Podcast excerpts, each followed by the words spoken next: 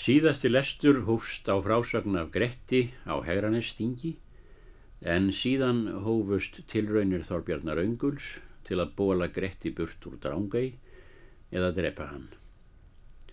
Þá var einnig sagt frá Drángæjarsundi Grettis og síðast frá tilraun austmannsins Hærings til að komast að þeim Gretti óvörum með því að klífa Drángæi.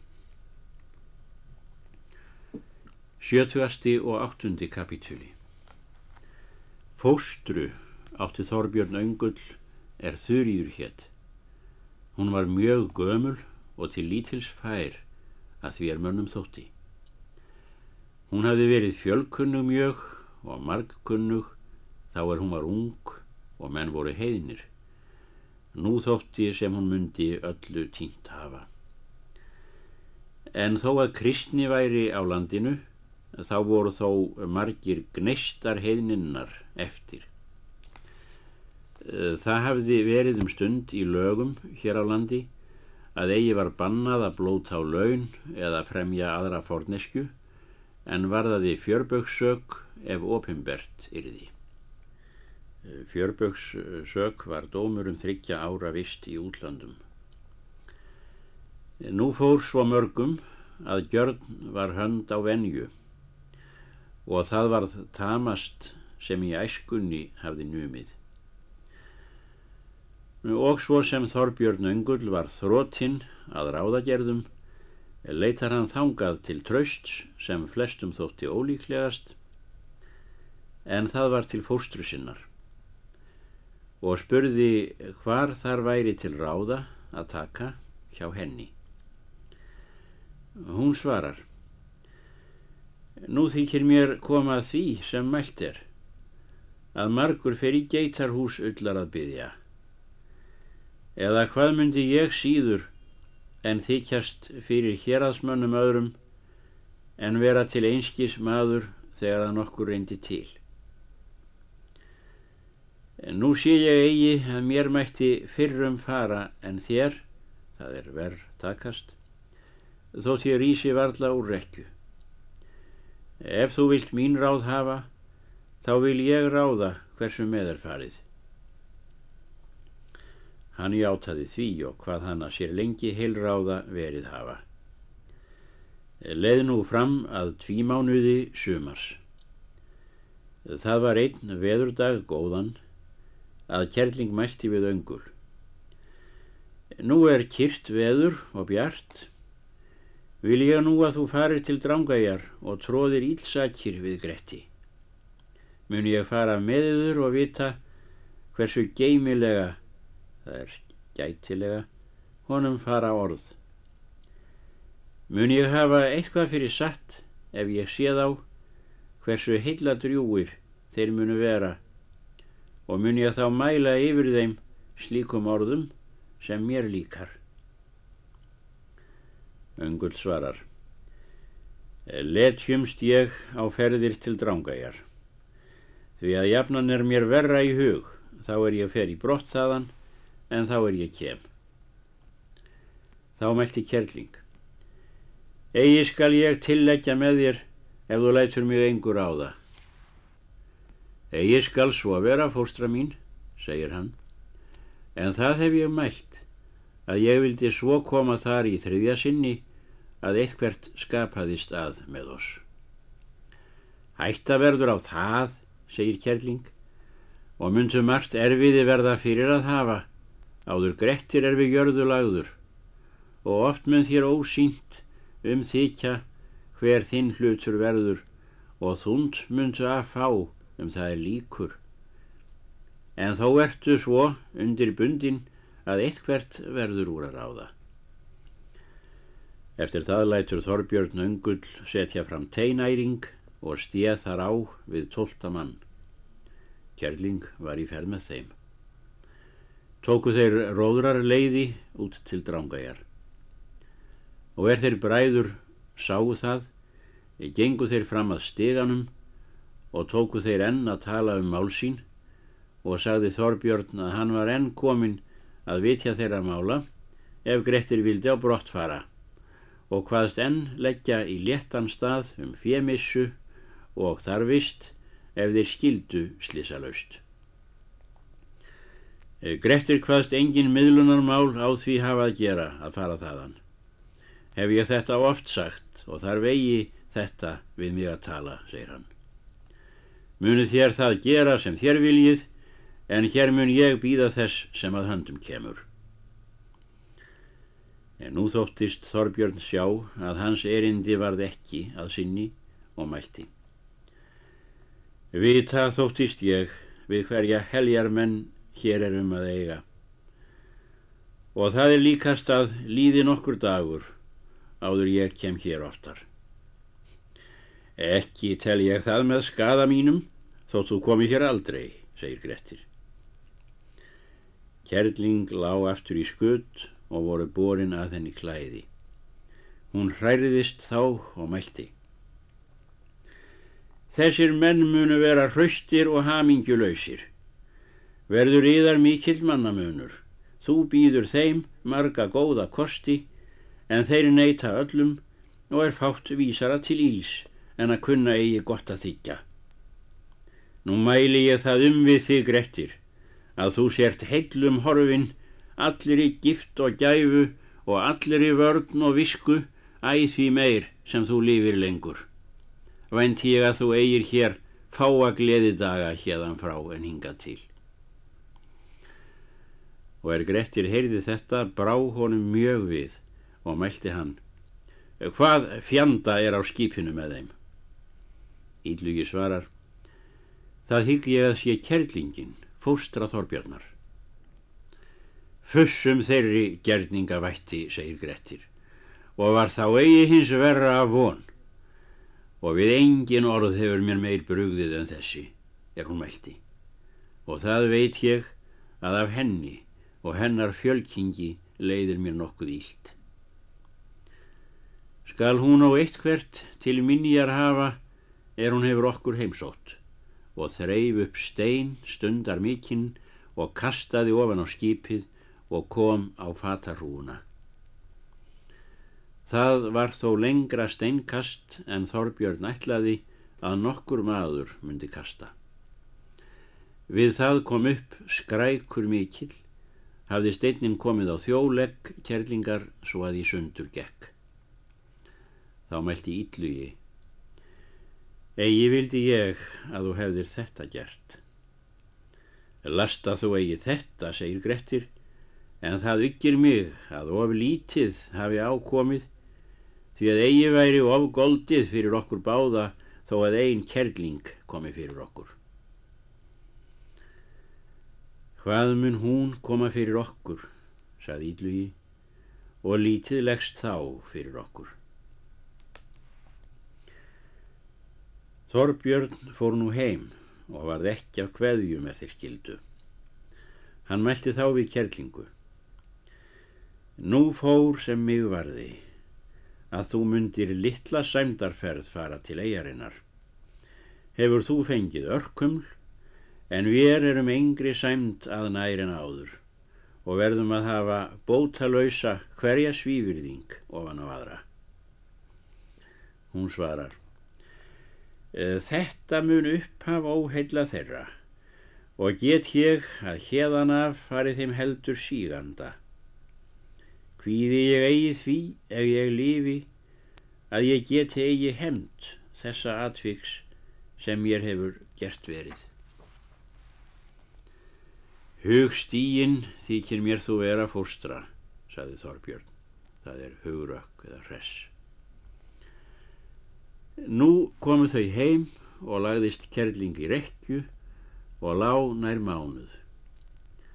Þá var saman runnin leggurinn tók hún þá að færast á fætur.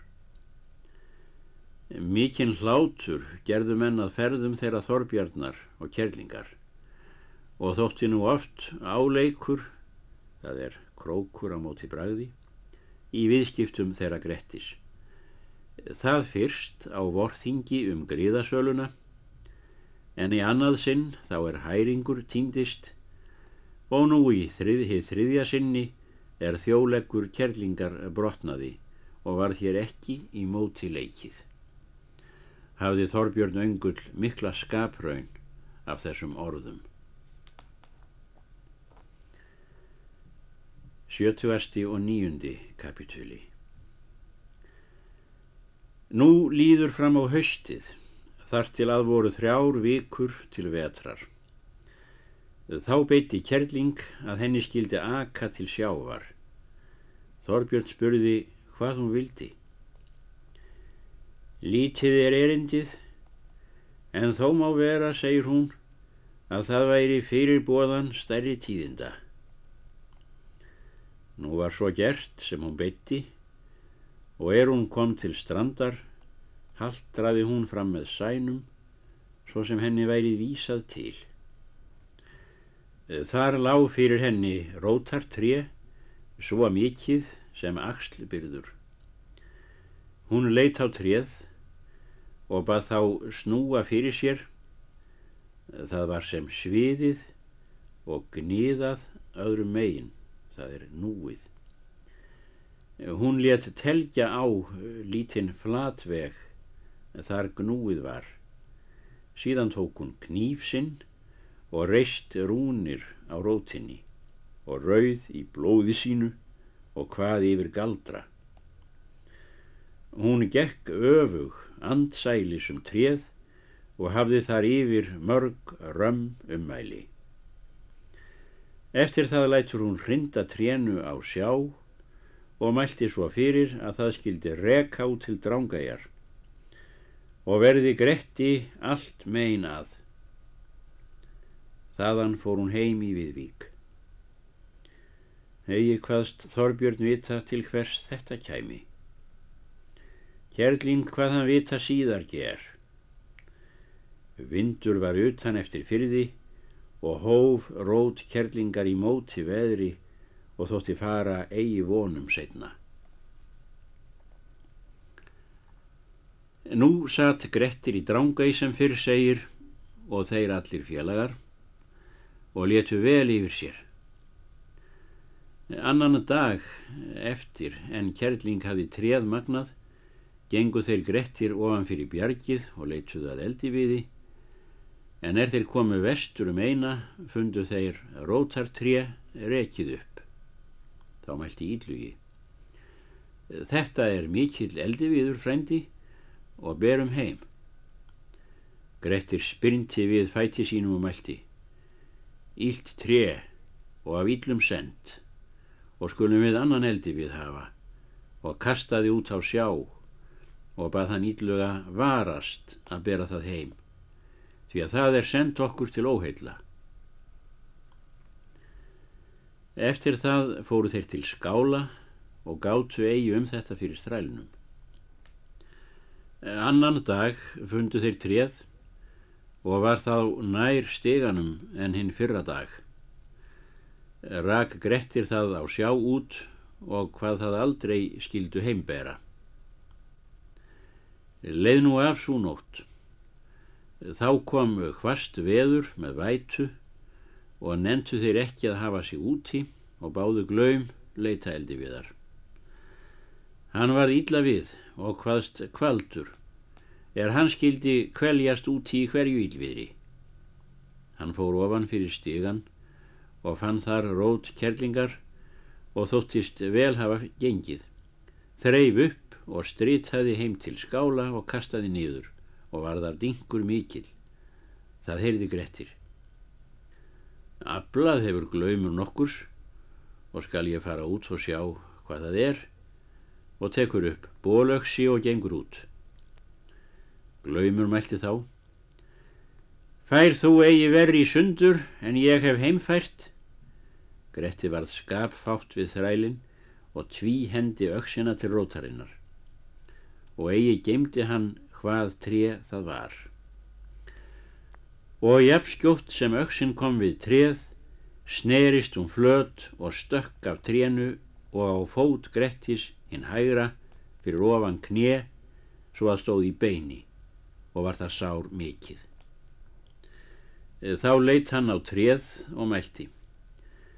Sá varð nú drjúari er verðvildi og mun þetta eigi eitt samanfara. er hér nú komið það sama tré sem ég hef útkastað tvo daga. Hefur þig nú glaumur hend tvö slís. Það annað er þú slögtir eldvorn og það enn er þú barst heim þetta óheila tré. En ef þig hendir hitt þriðja slís, þá verður það þinn bani og vor allra. Þá tók Íllugi og batt um skeinu Grettis og blætti lít og svaf Grettir vel um nóttina og svo líðu þrjár nætur að enginn kom verkur í sárið. En er þeir leistu til, var skeinan saman hlaupinn svo að nálega var gróin. Íllugi meldi þá, það vil ég ætla að þér verði ekki lánt meinað þessu sári. Vel væri þá, segir Grettir, en undarlega hefur þetta tilborið að hverju sem verður, en hinn veg segir mér hugurum. Áttuasti kapitúli Nú leggjast þeir niður um kveldið og er komað miðri nótt, braust Grettir um fast. Ídlugi spurði hví hann væri svo ókýr. Grettir segir að honum gerði stílt í fætinum og þætti mér líkara að nokkuð litbrygði væri á. Kvektu þeir þá ljós og er tilvar leist síndist fóturinn blásinn og kolblár en sárið var hlaupið í sundur og miklu íllilegra enn í fyrstu. Þar fylgdi mikill verkur svo að hann mátti hvergi kyrþóla og eigi kom honum svefn á auða. Þá mælti Grettir. Svo skulum við við búast sem kránkleiki þessi sem ég hef fengið mun eigi til einskís gera því að þetta eru gerningar og mun kerling ætla að hefna steinhögsins. Ídlugi mælti þá, sagði ég þér að eigi mundi gott fá af kerlingu þeirri. Allt mun fyrir eitt góma, segir Grettir, og hvað vísur fimm. Vísurnar verða ekki lesnar hér en í þeim minnist Grettir afreiksverka sinna ímissa. Sum þeirra tilgreinir sagan annars ekki. Að lokum hveðst eh, hann einat hafa gætti lífsíns eh, fyrir hermönnum, eh, nú hafi afgömul kerlingar dyrkja unnið sig með göldrum. Nú skulum við vera varir um oss, saði Grettir, því að svo munu þau Þorbjörn öngull til ætla að eigi skuli þetta eitt samanfara. Vil ég glaumur að þú gætir stiga hvern dag hérðan í frá en drægir upp á kveldi. Og ger þetta trúlega sem mikið líki við en ef þú svíkur okkur þá mun þér skamt til íls. Glaumur hétt góðum þetta en nú tókað hardna veðráta og gerði á landnýrðing mikinn með kulda. Grettir spurði hvert kveld hvort uppværi dregin stíin. Glaumur meldi. Nú væri helst manna von mest, eða mun nokkrum svo mikill hugur á að ná lífi þínu að það vilji til vinna að drepa sjálfan sig. Því að þessi veður eru langt sem ófær og lokið ætla ég nú garp skapnum hinnum mesta er þér þykir sem allt muni ykkur að bana. Þú mynd þig enn verð bera en hvor okkar, saði Grettir, til hvers sem taka þarf. En þó skaltu nú geima stigans þó að þú sért nauður. Ráku þeir hann út hvern morgun, þóldi hann það ítla. Verkurinn tók að vaksa í skeinunni svo að blés upp allan fótinn og lærið tók þá að grafa bæði uppi og niðri og snerist um allt sárið, svo að Gretti gerðist bannvætn. Satt íllugi yfir honum nótt og dag svo að hann gaf að engu öðru gaum. Var þá liðið af annari viku síðan Grettir skeindi sig. Áttugasti og fyrsti kapitúli Þorbjörn Öngull satt nú heima í Viðvík og undi illa við er hann gata í unnið Gretti. Og þá er liðin var vel vika, síðan er kærling hafði magnað rótina, þá kemur hún að máli við Þorbjörn og spurði uh, hvort hann ætlaði ekki að vitja Grettis. Hann saðist í engu jafn ráðin sem því. Eða viltu finna hann fóstra, segir Þorbjörn. Egi mun ég finna hann, segir Kjerling, en send hef ég honum hverju mína og vænti ég þess að komið hafi til hans. Og það þykir mér ráð að þú bregðir við skjótt og farir fljótt til mótsviðan, ellegar mun þér eigi auðið verða að sigra hann. Þorbjörn svarar. Svo marga hrakför hef ég þangað farið, að þangað kem ég eigi. Er það og ærið eitt að þau stórviðir í ganga, að hvergi er fært, hver nöðsín sem á er. Hún svarar, Alla ráðulegs ertu, er þú sér þegi bröð til þessa. Nú mun ég ráð þar til leggja. Far þú fyrst og afla þér til manna og ríð út til hofs, til Haldórs Másþings og takk þá ráð af honum. En ef ég ræð nokkru um heilsufar Grettis, hvað má þá kalla örvænt að ég ráði vindblöku þeirri er áleikur um stundir. Þorbirni þótti verða meiga að kjerling sægi lengra fram en hann ætlaði og sendi þegar eftir mönnum upp í hérað voru þar skjót svör að engir þeir sem upphafðu gefið sinn part vildu nokkurn létta undir leggja hváðu að Þorbjörn skildi hafa bæði eigjar hlut og aðför við Gretti. Tungusteinn fekk honum fyldarmenn sína tvo. Hjalti bróður hans sendi honum þrjá menn. Eiríkur í Guðdölum sendi honum einn mann þá hafði hann heimann sex menn. Riðu þeir tólf úr Viðvík út til Hofs. Haldór bauð þeim þar að vera og spurðaði erindum. Þorbjörn sagði af því ljósasta. Haldór spurði hver þetta hefðir áðið. Hann sagði að fóstra hans fýsti hann mjög. Það mun eigi góður reyfa, sagði Haldór því að hún er fjölkunnug, en það er nú fyrirbóðið. Ekki má fyrir öllu sjá um það, segir Þorbjörn, en umskal nú lúka á einhvern hátt ef ég má ráða, eða hversu skal ég fara þess að ég komist í eina. Sjá þykist ég það, segir Haldór, að þú treystir einhverju, en eigi veit ég hversu gott það er. Nú, ef þú vilt áframhalda, eh, þá far þú út í Haganes, í fljót, til Bjarnar, vinnar míns, hann á skútu góða. Seg honum orð mín að hann ljái þér skipið. Eh, þaðan mun sigla meiga inn til drángæjar, en ósín líst mér ferðiðar, ef Grettir er ósjúkur og heill.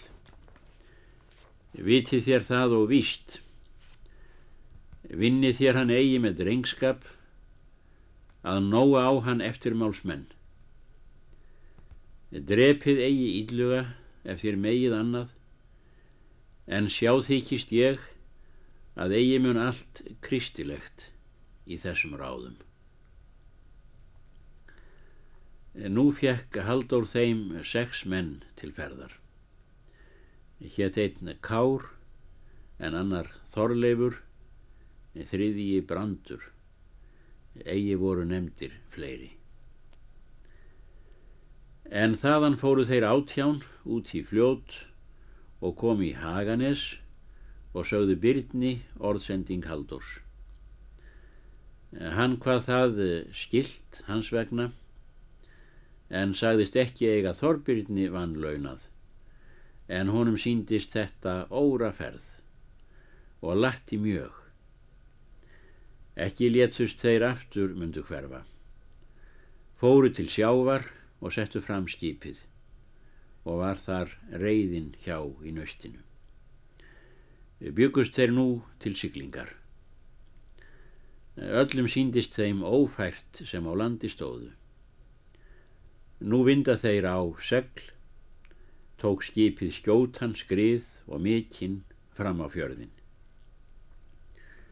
En svo sem þeir komu aðallega fram á fjörðin og á djúpið hægðist veðrið svo að þeim þótti aldrei of hvast. Komu þeir um kvöldið er rökkvað var inn til drangajar.